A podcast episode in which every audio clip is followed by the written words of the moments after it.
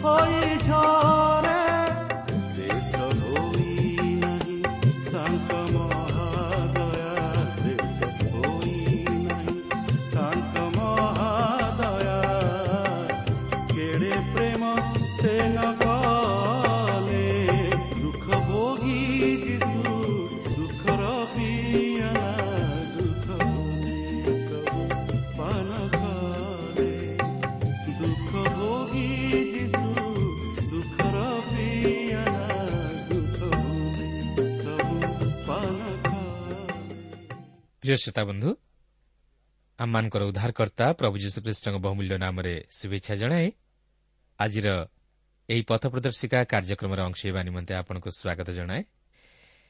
ଆପଣଙ୍କର ମତାମତ ନିମନ୍ତେ ବିଶେଷ ଧନ୍ୟବାଦ। ଆପଣଙ୍କର ପ୍ରାର୍ଥନାର ଅନୁରୋଧ ରକ୍ଷା କରି ଆମେ ମଧ୍ୟ ଆପଣଙ୍କ ନିମନ୍ତେ ପ୍ରାର୍ଥନା କରୁଅଛୁ। କେବଳ ସେତିକି ନୁହେଁ ଆପଣଙ୍କର ପ୍ରଶ୍ନର ଉତ୍ତର ମଧ୍ୟ ଆମେ ପତ୍ର ମାଧ୍ୟମରେ ଆପଣଙ୍କ ନିକଟକୁ ପଠାଇ ସାରିଛୁ।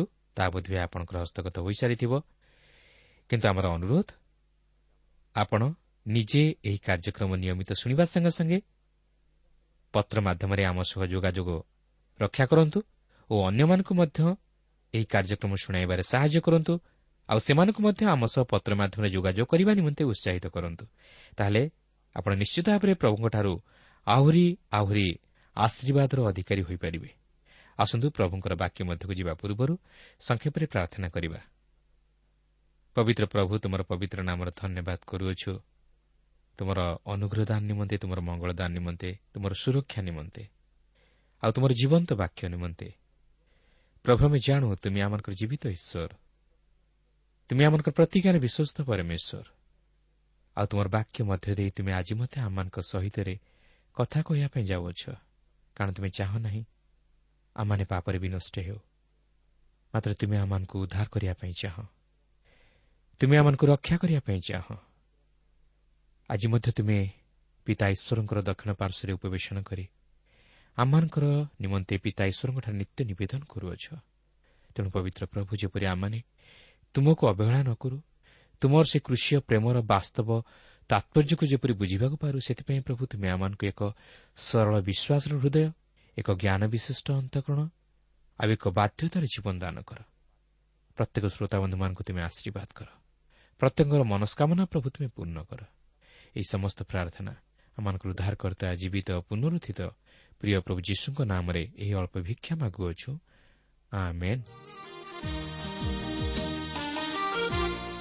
ବର୍ତ୍ତମାନ ଆମେ ପ୍ରଭୁଙ୍କର ବାକ୍ୟ ମଧ୍ୟକୁ ଯିବା।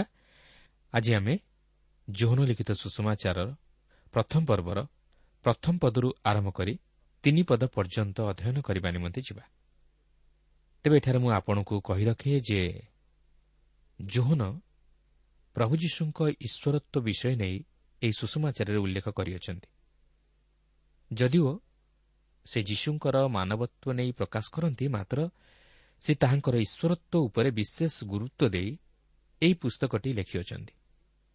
ତେଣୁ ଆମେ ସେହି ଦୃଷ୍ଟିକୋଣରୁ ନେଇ ଅର୍ଥାତ୍ ତାହାଙ୍କର ଈଶ୍ୱରତ୍ୱକୁ ମନ ମଧ୍ୟରେ ରଖି ସେହି ଅନୁଯାୟୀ ଏହି ସୁଷମାଚାରର ନିଗୁଢ଼ ବିଷୟକୁ ବୁଝିବା ନିମନ୍ତେ ଚେଷ୍ଟା କରିବା।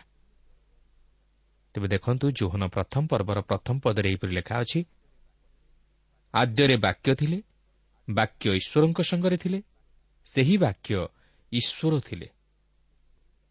ତେବେ ଏଠାରେ ଲକ୍ଷ୍ୟ କରିବାର ବିଷୟ ହେଉଛି କିଏ ସେହି ବାକ୍ୟ ଥିଲେ? ସେହି ବାକ୍ୟ ପ୍ରଭୁ ଯୀଶୁଖ୍ରୀଷ୍ଟ ନିଜେ ଥିଲେ। ଯଦି ଆପଣ ଏହି ପ୍ରଥମ ପର୍ବର ଚଉଦ ପଦ ପାଠ କରିବେ ତାହେଲେ ଜାଣିପାରିବେ ଯେ ସେହି ବାକ୍ୟ ପ୍ରଭୁ ଯୀଶୁଙ୍କୁ ଦର୍ଶାଏ। ପ୍ରଥମ ପର୍ବର ଚଉଦ ପଦରେ ଏହିପରି ଲେଖା ଅଛି ଆଉ ସେହି ବାକ୍ୟ ଦେହବନ୍ତ ହେଲେ ପୁଣି ଅନୁଗ୍ରହ ଓ ସତ୍ୟରେ ପରିପୂର୍ଣ୍ଣ ହୋଇ ଆମମାନଙ୍କ ମଧ୍ୟରେ ବାସ କଲେ। ଆଉ ପିତାଙ୍କଠାରୁ ଆଗତ ଅଦ୍ୱିତୀୟ ପୁତ୍ରଙ୍କ ମହିମା ସଦୃଶ ଆମ୍ଭେମାନେ ତାହାଙ୍କ ମହିମା ଦେଖିଲୁ। ତେବେ ଏହି ବାକ୍ୟ ଶବ୍ଦଟି ପ୍ରଭୁ ଯୀଶୁ ଖ୍ରୀଷ୍ଟଙ୍କ ନିମନ୍ତେ ଏକ ମହାନ ସଂଜ୍ଞା ରୂପେ ବ୍ୟବହୃତ ହୁଏ। ଆଦ୍ୟରେ ବାକ୍ୟ ଥିଲେ ବୋଲି ଜୋହନ ଏଠାରେ ଯୀଶୁଙ୍କ ବିଷୟରେ ପ୍ରକାଶ କରନ୍ତି। ତାହେଲେ ଚିନ୍ତା କରନ୍ତୁ ପ୍ରଭୁ ଯୀଶୁ କିପରି ବାକ୍ୟ ହୋଇପାରିବେ? ଏହାର ଅର୍ଥ ହେଉଛି ଯେ ଏହି ବାକ୍ୟ ମଧ୍ୟରେ ଈଶ୍ୱରଙ୍କ ଇଚ୍ଛା ଓ ଅଭିମତ ପ୍ରକାଶିତ ହୋଇଥିଲା ଓ ଏହି ବାକ୍ୟ ଈଶ୍ୱରଙ୍କ ବାକ୍ୟ ଥିଲା ଯେଉଁ ବାକ୍ୟ ଦ୍ୱାରା ଈଶ୍ୱର ନିଜକୁ ପ୍ରକାଶ କଲେ। ଏ ସେହି ବାକ୍ୟ ଥିଲେ ଯାହାଙ୍କ ବିଷୟରେ ପୁରାତନ ନିୟମରେ ସମସ୍ତ କୁହାଯାଇଥିଲା। ତାହା ନୂତନ ନିୟମରେ ଦେହବନ୍ତ ହେଲେ। ତେଣୁକରି ଜୋହନ ଯୀଶୁଙ୍କ ବିଷୟରେ କହନ୍ତି ଯେ ଯୀଶୁ ସେହି ବାକ୍ୟ ଥିଲେ। ଅର୍ଥାତ୍ ଯୀଶୁ ଦେହବନ୍ତ ହେବାରେ ଈଶ୍ୱରଙ୍କ ବାକ୍ୟ ଓ ତାହାଙ୍କର ଇଚ୍ଛା ତଥା ଯୋଜନା ଯୀଶୁଙ୍କ ମାଧ୍ୟମରେ ପ୍ରକାଶିତ ହେଲା। ଅନ୍ୟ ଅର୍ଥରେ କହିବାକୁ ଗଲେ ଈଶ୍ୱର ଯୀଶୁଙ୍କ ଦ୍ୱାରା ଆମ୍ଭମାନଙ୍କ ମଧ୍ୟକୁ ଆସିଲେ। ଯୀଶୁ ହେଉଛନ୍ତି ସେହି ଯାନ ଯେ କି ଈଶ୍ୱରଙ୍କ ବାକ୍ୟକୁ ବହନ କଲେ। ତେଣୁକରି ଆପଣ ଦେଖିବେ ଦ୍ୱିତୀୟ କରନ୍ଥୀୟ ଚାରିପର୍ବର ଚାରିପଦରେ ଲେଖା ଅଛି ପ୍ରଭୁ ଯୀଶୁଖ୍ରୀଷ୍ଟ ଈଶ୍ୱରଙ୍କ ପ୍ରତିମୂର୍ତ୍ତି।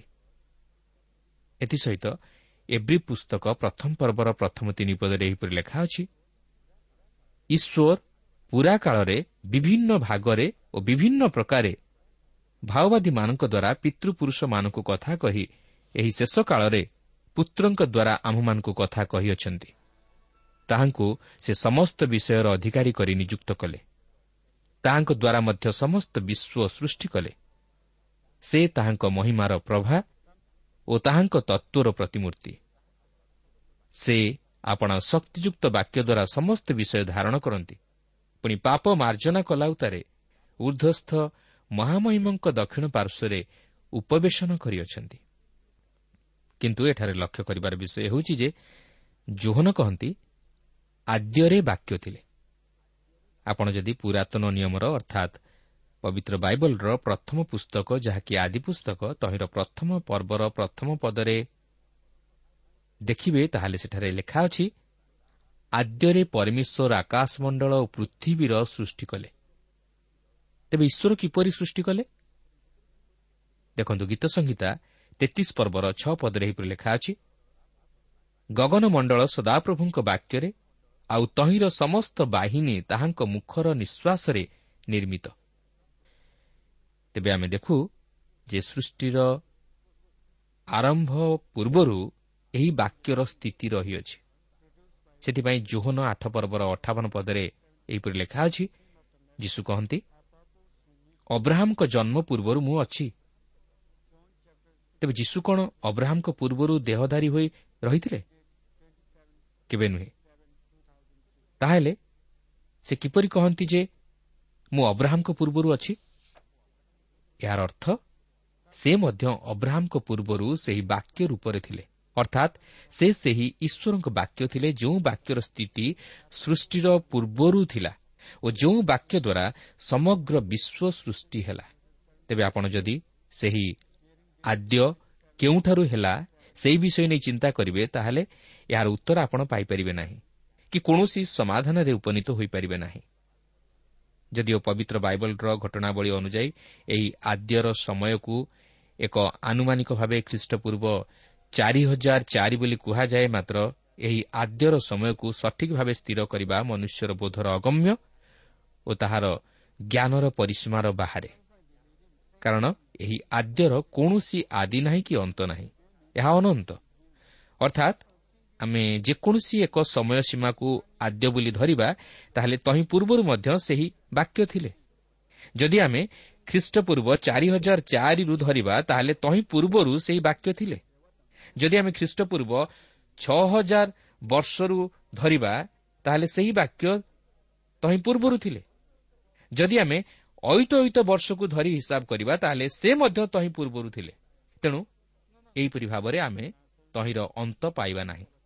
ମାତ୍ର କେବଳ ଅନନ୍ତକୁ ହିଁ ଯିବା। ଯେହେତୁ ସେହି ଆଦ୍ୟର କୌଣସି ଆରମ୍ଭ ନାହିଁ କି ଅନ୍ତ ନାହିଁ। ତେଣୁ ଜୋହନ ଯେତେବେଳେ କହନ୍ତି ଆଦ୍ୟରେ ବାକ୍ୟ ଥିଲେ ବୋଲି ସେତେବେଳେ ସେ ସେହି ଅନନ୍ତକୁ ଲକ୍ଷ୍ୟ କରି କହନ୍ତି। ସେହି ବାକ୍ୟର କୌଣସି ଆରମ୍ଭ ନାହିଁ। କାରଣ ସେହି ଆଦ୍ୟ ହେବା ପୂର୍ବରୁ ମଧ୍ୟ ସେ ଥିଲେ। ଆପଣ ଯେକୌଣସି ସମୟକୁ ଆଦ୍ୟ ବୋଲି ଧରିବେ ତହିଁ ପୂର୍ବରୁ ମଧ୍ୟ ସେ ଥିଲେ। ଯଦି ଆପଣ ସୃଷ୍ଟିକୁ ଧରି ମଧ୍ୟ ହିସାବ କରିବେ ତାହେଲେ ସେ ମଧ୍ୟ ସୃଷ୍ଟି ପୂର୍ବରୁ ଥିଲେ। କାରଣ ଈଶ୍ୱର ତାଙ୍କର ବାକ୍ୟ ଦ୍ୱାରା ସମସ୍ତ ସୃଷ୍ଟି କଲେ। ଦେଖନ୍ତୁ ଗୀତ ସଂହିତା ତେତିଶ ପର୍ବର ନଅ ପଦରେ ଲେଖା ଅଛି ସେ କହିବା ମାତ୍ରେ ସୃଷ୍ଟି ହେଲା ସେ ଆଜ୍ଞା କରିବା ମାତ୍ରେ ସ୍ଥିତି ହେଲା ତେଣୁକରି ଆପଣ ଦେଖନ୍ତୁ ଯେ ଜୋହନ ପ୍ରଥମରୁ ଆମକୁ ସେହି ଅନନ୍ତକୁ ନେଇଯାଆନ୍ତି ଯେଉଁଠାରେ ଆମେ ପ୍ରଭୁ ଯୀଶୁଙ୍କର ସ୍ଥିତିକୁ ଦେଖିବାକୁ ପାରୁ ଏହାପରେ ଜୋହନଙ୍କର ଦ୍ୱିତୀୟ ଉକ୍ତି ହେଉଛି ବାକ୍ୟ ଈଶ୍ୱରଙ୍କ ସଙ୍ଗରେ ଥିଲେ ଏହି ଅଂଶରେ ଆପଣ ଲକ୍ଷ୍ୟ କରିବେ ଯେ ସେ ଈଶ୍ୱରଙ୍କ ଠାରୁ ଭିନ୍ନ ଥିଲେ କାରଣ ସେ ଈଶ୍ୱରଙ୍କ ସଙ୍ଗରେ ଥିଲେ ଏଠାରେ ଆମେ ପିତା ଈଶ୍ୱରଙ୍କର ଓ ପୁତ୍ର ପ୍ରଭୁ ଯୀଶୁଙ୍କର ସ୍ଥିତି ମଧ୍ୟରେ କିଛି ପାର୍ଥକ୍ୟତା ଲକ୍ଷ୍ୟ କରୁଅଛୁ ମାତ୍ର ଶକ୍ତି ଓ ମହିମାରେ ଏକ ଅଟନ୍ତି। ତେବେ ଆପଣ ହୁଏତ କହିପାରନ୍ତି ଯେ ଯୀଶୁ ଯଦି ଈଶ୍ୱରଙ୍କ ସହିତ ଥିଲେ ବା ସେହି ବାକ୍ୟ ଯଦି ଈଶ୍ୱରଙ୍କ ସହିତ ଥିଲେ ତାହେଲେ ସେ ଈଶ୍ୱର ନଥିଲେ। ମାତ୍ର ଆପଣ ଦେଖନ୍ତୁ ଏହାର ତୃତୀୟ ଉକ୍ତିରେ ଜୋହନ ଉଲ୍ଲେଖ କରନ୍ତି ସେହି ବାକ୍ୟ ଈଶ୍ୱର ଥିଲେ। ମୁଁ ଭାବୁଛି ଆପଣଙ୍କୁ ଏହା ବୁଝିବାରେ ନିଶ୍ଚିତ ଭାବେ ଜଟିଳତା ବୋଧ ହେଉଥିବ। କିନ୍ତୁ ଯେତେବେଳେ ଆମେ କହୁ ଯେ ଈଶ୍ୱରଙ୍କ ବାକ୍ୟ ସେତେବେଳେ ଆମେ କ'ଣ ଉଭୟଙ୍କୁ ଭିନ୍ନ ଭିନ୍ନ ଦୃଷ୍ଟିକୋଣରୁ ନେଇ ଚିନ୍ତା କରୁ କି? କେବେ ନୁହେଁ। ଆମେ ଈଶ୍ୱରଙ୍କ ବାକ୍ୟକୁ ଓ ଈଶ୍ୱରଙ୍କୁ ପୃଥକ କରିପାରିବା ନାହିଁ। ଯଦିଓ ଈଶ୍ୱରଙ୍କ ବାକ୍ୟକୁ ଆମେ ଈଶ୍ୱର ବୋଲି କହିପାରିବା ନାହିଁ ମାତ୍ର ସେହି ବାକ୍ୟ ମଧ୍ୟରୁ ଆମେ ଈଶ୍ୱରଙ୍କୁ ପୃଥକ କରିପାରିବା ନାହିଁ। ଯେଣୁ ସେହି ବାକ୍ୟରେ ଈଶ୍ୱରଙ୍କ ଶକ୍ତି ସତ୍ୟତା ଓ ଅନୁଗ୍ରହ ପରିପୂର୍ଣ୍ଣ ହୋଇ ରହିଅଛି। ତେବେ ଯେଉଁ ବାକ୍ୟରେ ଈଶ୍ୱରଙ୍କ ଶକ୍ତି ସତ୍ୟତା ଓ ଅନୁଗ୍ରହ ପରିପୂର୍ଣ୍ଣ ହୋଇ ରହିଅଛି ତାହେଲେ ସେହି ବାକ୍ୟ ଈଶ୍ୱର ନୁହେଁ ତ ଆଉ କ'ଣ? ତେଣୁକରି ଜୋହନ ପ୍ରଥମ ପର୍ବର ଚଉଦ ପଦରେ ଏହିପରି ଲେଖା ଅଛି ଆଉ ସେହି ବାକ୍ୟ ଦେହବନ୍ତ ହେଲେ ପୁଣି ଅନୁଗ୍ରହ ଓ ସତ୍ୟରେ ପରିପୂର୍ଣ୍ଣ ହୋଇ ଆମ୍ଭମାନଙ୍କ ମଧ୍ୟରେ ବାସ କଲେ। ଆଉ ପିତାଙ୍କଠାରୁ ଆଗତ ଅଦ୍ୱିତୀୟ ପୁତ୍ରଙ୍କ ମହିମା ସଦୃଶ ଆମ୍ଭେମାନେ ତାହାଙ୍କ ମହିମା ଦେଖିଲୁ। ଏଠାରେ ଆମେ ପିତା ଈଶ୍ୱରଙ୍କର ଓ ପୁତ୍ର ପ୍ରଭୁ ଯୀଶୁଖ୍ରୀଷ୍ଟଙ୍କର ସ୍ଥିତିରେ ପାର୍ଥକ୍ୟତା ମଧ୍ୟ ଲକ୍ଷ୍ୟ କରୁଅଛୁ। ମାତ୍ର ଶକ୍ତି ଓ ମହିମାରେ ସମାନତା ଦେଖୁଅଛୁ। ତେଣୁ ପ୍ରଭୁ ଯୀଶୁଖ୍ରୀଷ୍ଟ ଯଦିଓ ସେହି ବାକ୍ୟ ଥିଲେ ସେ ମଧ୍ୟ ଈଶ୍ୱର ଥିଲେ। କାରଣ ଈଶ୍ୱର ତାହାଙ୍କ ମଧ୍ୟ ଦେଇ ଆମମାନଙ୍କ ନିକଟରେ ବା ଏହି ଜଗତ ନିକଟରେ ପ୍ରକାଶିତ ହେଲେ। ଏହି ଚଉଦ ପଦରେ ମଧ୍ୟ ଆମେ ସେହି ବାକ୍ୟ ସମ୍ପର୍କରେ ତିନୋଟି ଉକ୍ତି ଦେଖିବାକୁ ପାଉ ଯାହାକି ଜୋହନ ପ୍ରକାଶ କରନ୍ତି। ସେହି ବାକ୍ୟ ଦେହବନ୍ତ ହେଲେ। ଦ୍ୱିତୀୟରେ ଆମମାନଙ୍କ ମଧ୍ୟରେ ବାସ କଲେ ଓ ତୃତୀୟରେ ସେ ଅନୁଗ୍ରହ ଓ ସତ୍ୟରେ ପରିପୂର୍ଣ୍ଣ ହେଲେ। ଏଠାରେ ଯଦିଓ ଜୋହନ ପ୍ରଭୁ ଯୀଶୁଙ୍କର ମାନବତ୍ୱକୁ ପ୍ରକାଶ କରନ୍ତି ମାତ୍ର ଏହି ମାନବତ୍ୱ ମଧ୍ୟରେ ସେ ଈଶ୍ୱରତ୍ୱକୁ ପ୍ରକାଶ କରନ୍ତି। ତେବେ ଈଶ୍ୱରଙ୍କ ବାକ୍ୟ ଦେହବନ୍ତ ହେବାର କାରଣ କ'ଣ ଥିଲା? ଯେପରି ଈଶ୍ୱର ଜଗତ ନିକଟରେ ଆପଣଙ୍କୁ ପ୍ରକାଶ କରିପାରନ୍ତି ଓ ଜଗତ ଯେପରି ଈଶ୍ୱରଙ୍କୁ ଜାଣିପାରେ। ତେଣୁକରି ଜୋହନ ପ୍ରଥମ ପର୍ବର ଅଠର ପଦରେ ଜୋହନ ଏହିପରି ଉଲ୍ଲେଖ କରନ୍ତି କେହି କେବେ ଈଶ୍ୱରଙ୍କୁ ଦେଖିନାହିଁ ପିତାଙ୍କ କୋଳସ୍ଥିତ ଅଦ୍ୱିତୀୟ ପୁତ୍ର ତାହାଙ୍କୁ ପ୍ରକାଶ କଲେ। ଏଥିସହିତ ଆଉ ଏକ କାରଣ ମଧ୍ୟ ଦେଖିବେ ଯେ ଯାହାକି ଗାଲାତୀୟ ଚାରି ପର୍ବର ଚାରି ଓ ପାଞ୍ଚ ପଦରେ ଲେଖା ଅଛି କିନ୍ତୁ କାଳ ସମ୍ପୂର୍ଣ୍ଣ ହୁଅନ୍ତେ ଈଶ୍ୱର ଆପଣା ନିକଟରୁ ନିଜ ପୁତ୍ରଙ୍କୁ ପ୍ରେରଣ କଲେ। ସେ ସ୍ତ୍ରୀଜାତ ହୋଇ ବ୍ୟବସ୍ଥାଧୀନ ହେଲେ। ଯେପରି ସେ ମୂଲ୍ୟ ଦେଇ ବ୍ୟବସ୍ଥାଧୀନ ଲୋକମାନଙ୍କୁ ମୁକ୍ତ କରନ୍ତି ପୁଣି ଆମ୍ଭେମାନେ ପୁତ୍ରତ୍ୱର ଅଧିକାର ପ୍ରାପ୍ତ ହେଉ। ପ୍ରିୟ ବନ୍ଧୁ ସେହି ପ୍ରଭୁ ଯୀଶୁଖ୍ରୀଷ୍ଟ ଆଦ୍ୟରୁ ଈଶ୍ୱରଙ୍କ ସହିତ ଥିଲେ ଓ ସେ ମଧ୍ୟ ଈଶ୍ୱର ଥିଲେ। ମାତ୍ର ସେ ମାନବ ଦେହ ଧାରଣ କରି ଏହି ଜଗତକୁ ଆସିଲେ। ଯେପରି ସେ ଆମମାନଙ୍କ ନିମନ୍ତେ ପ୍ରାୟଶ୍ଚିତ ବଳିସ୍ୱରୂପ ହୋଇପାରନ୍ତି ଓ ଯେପରି ସେ ମନୁଷ୍ୟମାନଙ୍କ ମଧ୍ୟରେ ବାସ କରିପାରନ୍ତି ଓ ମନୁଷ୍ୟ ନିକଟରେ ଆପଣଙ୍କୁ ପ୍ରକାଶ କରିପାରନ୍ତି। ସେଥିପାଇଁ ଆପଣ ଦେଖିବେ ଏହି ଜୋହନ ସୁଷମାଚାର ମଧ୍ୟରେ ଯୀଶୁ ଈଶ୍ୱରଙ୍କୁ ପ୍ରକାଶ କରନ୍ତି ଓ ତାଙ୍କର ଇଚ୍ଛା ଓ ଅଭିମତକୁ ପ୍ରକାଶ କରନ୍ତି। ଆମେ କେବେ ହେଲେ ଈଶ୍ୱରଙ୍କୁ ଦେଖିପାରିବା ନାହିଁ। କାରଣ ସେ ହେଉଛନ୍ତି ଆତ୍ମା। ମାତ୍ର ସେ ମାନବ ଦେହ ଧାରଣ କଲେ ଯେପରି ଆମେ ତାହାଙ୍କୁ ଜାଣିପାରିବା। କେବଳ ସେତିକି ନୁହେଁ ସେ ମଧ୍ୟ ଅନୁଗ୍ରହ ଓ ସତ୍ୟରେ ପରିପୂର୍ଣ୍ଣ ହୋଇ ଆମମାନଙ୍କ ମଧ୍ୟରେ ବାସ କଲେ। ଯେପରି ଆମେ ସେହି ସତ୍ୟତାକୁ ଜାଣି ଈଶ୍ୱରଙ୍କ ଅନୁଗ୍ରହର ଅଧିକାରୀ ହୋଇପାରିବା। ତେଣୁକରି କେହି ଯଦି ସତ୍ୟ ଈଶ୍ୱରଙ୍କର ପରିଚୟ ପାଇବାକୁ ଚାହେଁ ଓ ତାହାଙ୍କ ସହିତ ସହଭାଗିତା ସ୍ଥାପନ କରିବାକୁ ଚାହେଁ ତାହେଲେ ଯୀଶୁଖ୍ରୀଷ୍ଟଙ୍କ ଦ୍ୱାରା ହିଁ ସେ ସତ୍ୟ ଈଶ୍ୱରଙ୍କର ପରିଚୟ ପାଇପାରିବ। କାରଣ ଯୀଶୁଖ୍ରୀଷ୍ଟ ହେଉଛନ୍ତି ଈଶ୍ୱରଙ୍କର ପ୍ରତିମୂର୍ତ୍ତି। ସେଥିପାଇଁ ପ୍ରଭୁ ଯୀଶୁ କହନ୍ତି ମୁଁ ପଥ ସତ୍ୟ ଓ ଜୀବନ। ମୋ ଦେଇ ନଗଲେ କେହି ପିତାଙ୍କ ନିକଟକୁ ଯାଇପାରେ ନାହିଁ ସେ ଆହୁରି ମଧ୍ୟ କହନ୍ତି ଯେ ମୋତେ ଦେଖିଅଛି ସେ ପିତାଙ୍କୁ ଦେଖିଅଛି। ମୁଁ ଓ ପିତା ଏକ ତେବେ ଆପଣଙ୍କ ମନରେ ପ୍ରଶ୍ନ ଉଠିପାରେ ଯେ ତାହେଲେ ଈଶ୍ୱର କ'ଣ ଯୀଶୁଙ୍କ ପରି ଦେଖିବାକୁ? କିନ୍ତୁ ଏହା ସେପରି ନୁହେଁ। ଯୀଶୁ ଯଦିଓ ଶରୀରରେ ଈଶ୍ୱରଙ୍କ ସଦୃଶ ନଥିଲେ ମାତ୍ର ଆତ୍ମାରେ ସେ ଈଶ୍ୱର ଥିଲେ। ଈଶ୍ୱରଙ୍କ ଆତ୍ମା ତାହାଙ୍କ ମଧ୍ୟରେ କାର୍ଯ୍ୟ ସାଧନ କରୁଥିଲେ। ଈଶ୍ୱର ତାହାଙ୍କୁ ଏହି ଜଗତକୁ ପଠାଇଥିଲେ ଯେପରି ସେ ମାନବ ଜାତିର ଉଦ୍ଧାର ନିମନ୍ତେ ସେହି ପ୍ରାୟଶ୍ଚିତ କାର୍ଯ୍ୟ ସାଧନ କରିପାରନ୍ତି। ଆପଣ ଯଦି ପ୍ରକାଶିତ ବାକ୍ୟ ବାଇଶ ପର୍ବର ତେର ପଦ ପାଠ କରିବେ ତାହେଲେ ସେଠାରେ ଏହିପରି ଲେଖାଥିବାର ଦେଖିବାକୁ ପାରିବେ ଆମ୍ଭେ କ ଓ କ୍ଷ ପ୍ରଥମ ଓ ଶେଷ ଆଦି ଓ ଅନ୍ତ। ଏହା ପ୍ରଭୁ ଯୀଶୁ ଭାଓବାଣୀ ସ୍ୱରୂପେ ଜୋହନଙ୍କ ନିକଟରେ ପ୍ରକାଶ କରନ୍ତି। ପ୍ରିୟ ବନ୍ଧୁ ପ୍ରଭୁ ଯୀଶୁଖ୍ରୀଷ୍ଟ କେବଳ ମନୁଷ୍ୟ ନଥିଲେ ସେ ମଧ୍ୟ ସମ୍ପୂର୍ଣ୍ଣ ଈଶ୍ୱର ଥିଲେ। ସେ ଯେ କେବଳ ଏହି ଜଗତ ମଧ୍ୟରେ ଥିଲେ ତାହା ନୁହେଁ ସେ ଏହି ଜଗତ ସୃଷ୍ଟିର ପୂର୍ବରୁ ଥିଲେ ଓ ସେ ଏବେ ମଧ୍ୟ ଜୀବିତ ଅଟନ୍ତି। ଯେଉଁମାନେ ତାହାଙ୍କଠାରେ ବିଶ୍ୱାସ କରନ୍ତି ସେମାନେ ସତ୍ୟ ଈଶ୍ୱରଙ୍କର ପରିଚୟ ପାଆନ୍ତି ଓ ନିଜ ପାପରୁ ଉଦ୍ଧାର ପାଇ ଅନନ୍ତ ଜୀବନର ଅଧିକାରୀ ହୁଅନ୍ତି। ମୁଁ ଜାଣେ ନା ଆପଣ ପ୍ରଭୁ ଯୀଶୁଙ୍କୁ କେଉଁପରି ଦୃଷ୍ଟିରେ ଦେଖନ୍ତି ଓ ତାହାଙ୍କୁ କାହା ସହିତ ତୁଳନା କରନ୍ତି? ମାତ୍ର ଜୋହନ ପବିତ୍ର ଆତ୍ମାରେ ପୂର୍ଣ୍ଣ ହୋଇ ତାହାଙ୍କର ଈଶ୍ୱରତ୍ୱକୁ ପ୍ରକାଶ କରନ୍ତି। ଯଦି ପ୍ରଭୁ ଯୀଶୁଖ୍ରୀଷ୍ଟଙ୍କଠାରେ ଆପଣ ବିଶ୍ୱାସ କରିଛନ୍ତି ତାହେଲେ ଜାଣି ରଖନ୍ତୁ ଯେ ଆପଣ ଈଶ୍ୱରଙ୍କର ସନ୍ତାନ ରୂପେ ଗୃହୀତ ହୋଇଛନ୍ତି।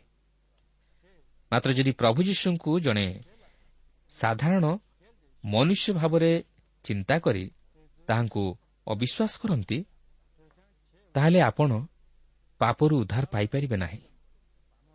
କି ଈଶ୍ୱରଙ୍କର ପରିଚୟ ପାଇପାରିବେ ନାହିଁ। ଯେଉଁମାନେ ପ୍ରଭୁ ଯୀଶୁଖ୍ରୀଷ୍ଟଙ୍କୁ ଅଗ୍ରାହ୍ୟ କରନ୍ତି ସେମାନେ ଈଶ୍ୱରଙ୍କୁ ମଧ୍ୟ ଅଗ୍ରାହ୍ୟ କରନ୍ତି। ଓ ତାହାଙ୍କର ବାକ୍ୟକୁ ମଧ୍ୟ ଅଗ୍ରାହ୍ୟ କରନ୍ତି। ତେଣୁ ସମୟ ଥାଉଁ ଥାଉଁ ପ୍ରଭୁ ଯୀଶୁଖ୍ରୀଷ୍ଟଙ୍କଠାରେ ବିଶ୍ୱାସ କରନ୍ତୁ ଓ ନିଜର ପାପରୁ ଉଦ୍ଧାର ପାଇ ଈଶ୍ୱରଙ୍କ ସନ୍ତାନ ହେବାର ଅଧିକାର ପ୍ରାପ୍ତ ହୁଅନ୍ତୁ। ତେବେ ଏହି ପ୍ରଥମ ପର୍ବରେ ଆମେ ତିନୋଟି ମୁଖ୍ୟ ବିଷୟ ଦେଖିବାକୁ ପାରୁଛୁ ଯାହାକି ପ୍ରଭୁ ଯୀଶୁଙ୍କ ବିଷୟରେ ପ୍ରକାଶ କରାଯାଏ। ପ୍ରଭୁ ଯୀଶୁ କ'ଣ ଥିଲେ କ'ଣ ହେଲେ ଓ କ'ଣ କଲେ? ଯଦି ଆମେ ପ୍ରଭୁ ଯୀଶୁ କ'ଣ ଥିଲେ ବୋଲି ଚିନ୍ତା କରିବା ତାହେଲେ ଜୋହନ ପ୍ରଥମ ପର୍ବର ପ୍ରଥମ ପଦ ତହିଁର ଉତ୍ତର ଦିଏ ଯେ ଆଦ୍ୟରେ ବାକ୍ୟ ଥିଲେ ବାକ୍ୟ ଈଶ୍ୱରଙ୍କ ସଙ୍ଗରେ ଥିଲେ ସେହି ବାକ୍ୟ ଈଶ୍ୱର ଥିଲେ। ଯଦି ଆମେ ପ୍ରଭୁ ଯୀଶୁ କ'ଣ ହେଲେ ବୋଲି ଚିନ୍ତା କରିବା ତାହେଲେ ପ୍ରଥମ ପର୍ବର ଚଉଦ ପଦ ତହିଁର ଉତ୍ତର ଦିଏ ଯେ ଆଉ ସେହି ବାକ୍ୟ ଦେହବନ୍ତ ହେଲେ ପୁଣି ଅନୁଗ୍ରହ ଓ ସତ୍ୟରେ ପରିପୂର୍ଣ୍ଣ ହୋଇ ଆମମାନଙ୍କ ମଧ୍ୟରେ ବାସ କଲେ ଆଉ ପିତାଙ୍କଠାରୁ ଆଗତ ଅଦ୍ୱିତୀୟ ପୁତ୍ରଙ୍କ ମହିମା ସଦୃଶ ଆମ୍ଭେମାନେ ତାହାଙ୍କ ମହିମା ଦେଖିଲୁ। ଆଉ ଯଦି ଆମେ ପ୍ରଭୁ ଯୀଶୁ କ'ଣ କଲେ ବୋଲି ଚିନ୍ତା କରିବା ତାହେଲେ ତହିଁର ଉତ୍ତର ପ୍ରଥମ ପର୍ବର ଅଠର ପଦରେ ଜୋହନ ଏହିପରି ଉଲ୍ଲେଖ କରନ୍ତି କେହି କେବେ ଈଶ୍ୱରଙ୍କୁ ଦେଖିନାହିଁ ପିତାଙ୍କ କୋଳସ୍ଥିତ ଅଦ୍ୱିତୀୟ ପୁତ୍ର ତାହାଙ୍କୁ ପ୍ରକାଶ କଲେ। ତେଣୁ ଏହି ତିନୋଟି ମୁଖ୍ୟ ପଦକୁ ଯଦି ଆମେ ମନ ମଧ୍ୟରେ ରଖି ଏହି ସୁଷମାଚାର ଅଧ୍ୟୟନ କରିବା ତାହେଲେ ଆମେ ପ୍ରଭୁ ଯୀଶୁଙ୍କର ବାସ୍ତବ ଈଶ୍ୱରତ୍ୱକୁ ଜାଣିବା ନିମନ୍ତେ ସମର୍ଥ ହୋଇପାରିବା।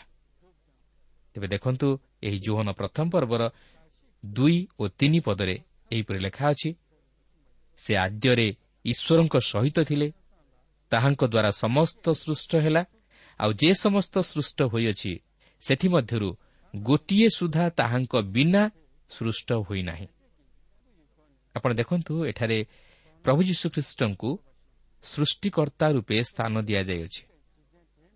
ସେ ଆଦ୍ୟରେ ଥିଲେ ଓ ତାହାଙ୍କ ଦ୍ୱାରା ସମସ୍ତ ସୃଷ୍ଟ ହୋଇଅଛି ଅର୍ଥାତ୍ ସୃଷ୍ଟି ପୂର୍ବରୁ ମଧ୍ୟ ସେ ଅଛନ୍ତି। ଆପଣ ତାହାଙ୍କୁ କେବଳ ସେହି ବେଥଲିହିମରେ ସୀମିତ କରିଦିଅନ୍ତୁ ନାହିଁ କାରଣ ସେହି ବେଥଲିହିମ ସୃଷ୍ଟି ହେବା ପୂର୍ବରୁ ସେ ଅଛନ୍ତି। ଓ ସେ ମଧ୍ୟ ବେଥଲିହିମର ସୃଷ୍ଟିକର୍ତ୍ତା।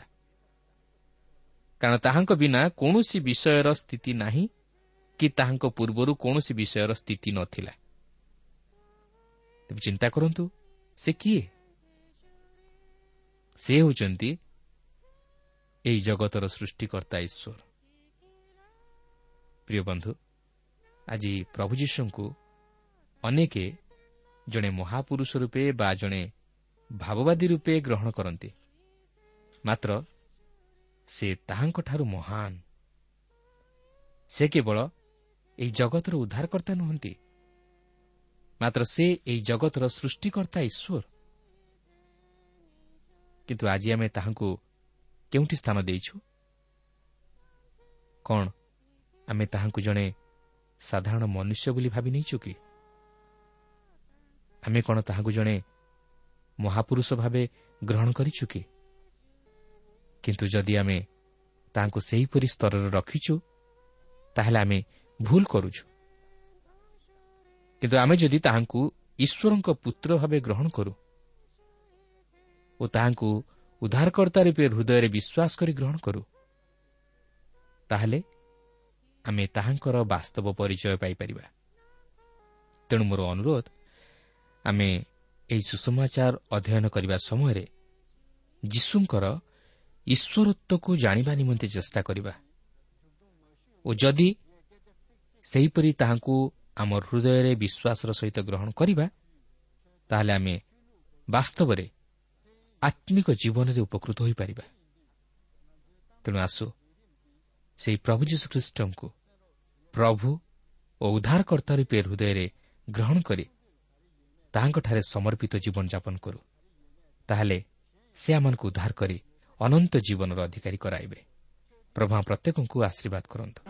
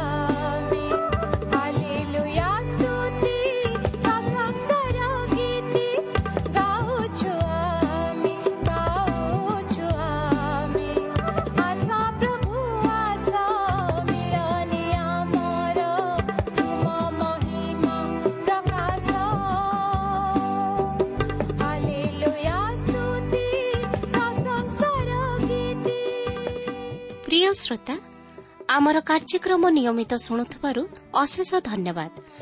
ଆପଣ ଏହି କାର୍ଯ୍ୟକ୍ରମ ଶୁଣିବା ଦ୍ୱାରା ଆତ୍ମିକ ଜୀବନରେ ଉପକୃତ ହୋଇପାରିଥିବେ ବୋଲି ଆମର ବିଶ୍ୱାସ।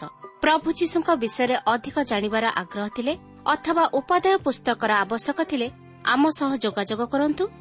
ଆମର ଠିକଣା ପଥ ପ୍ରଦର୍ଶିକା Trans World Radio India post box number ତିନି ତିନି ଭୁବନେଶ୍ୱର ସାତ ପାଞ୍ଚ ଏକ ଶୂନ ଶୂନ ଏକ। ଟେଲିଫୋନ୍ ନମ୍ବର ଶୂନ ଛଅ ସାତ ଚାରି ଦୁଇ ତିନି ଶୂନ ଶୂନ ତିନି ତିନି ପାଞ୍ଚ ଠିକଣାଟି ଆଉଥରେ ଶୁଣନ୍ତୁ ପଥ ପ୍ରଦର୍ଶିକା Trans World Radio India post box number three three Bhubaneswar seven five one zero zero one telephone number zero six seven four two three zero zero three three five ଆମର ଇମେଲ୍ ଆଡ୍ରେସ୍ଟି ଲେଖି ରଖନ୍ତୁ। Odia TTV at radio eight eight two dot com ତେବେ ଆଜି ପାଇଁ ବିଦାୟ ଦିଅନ୍ତୁ। ନମସ୍କାର।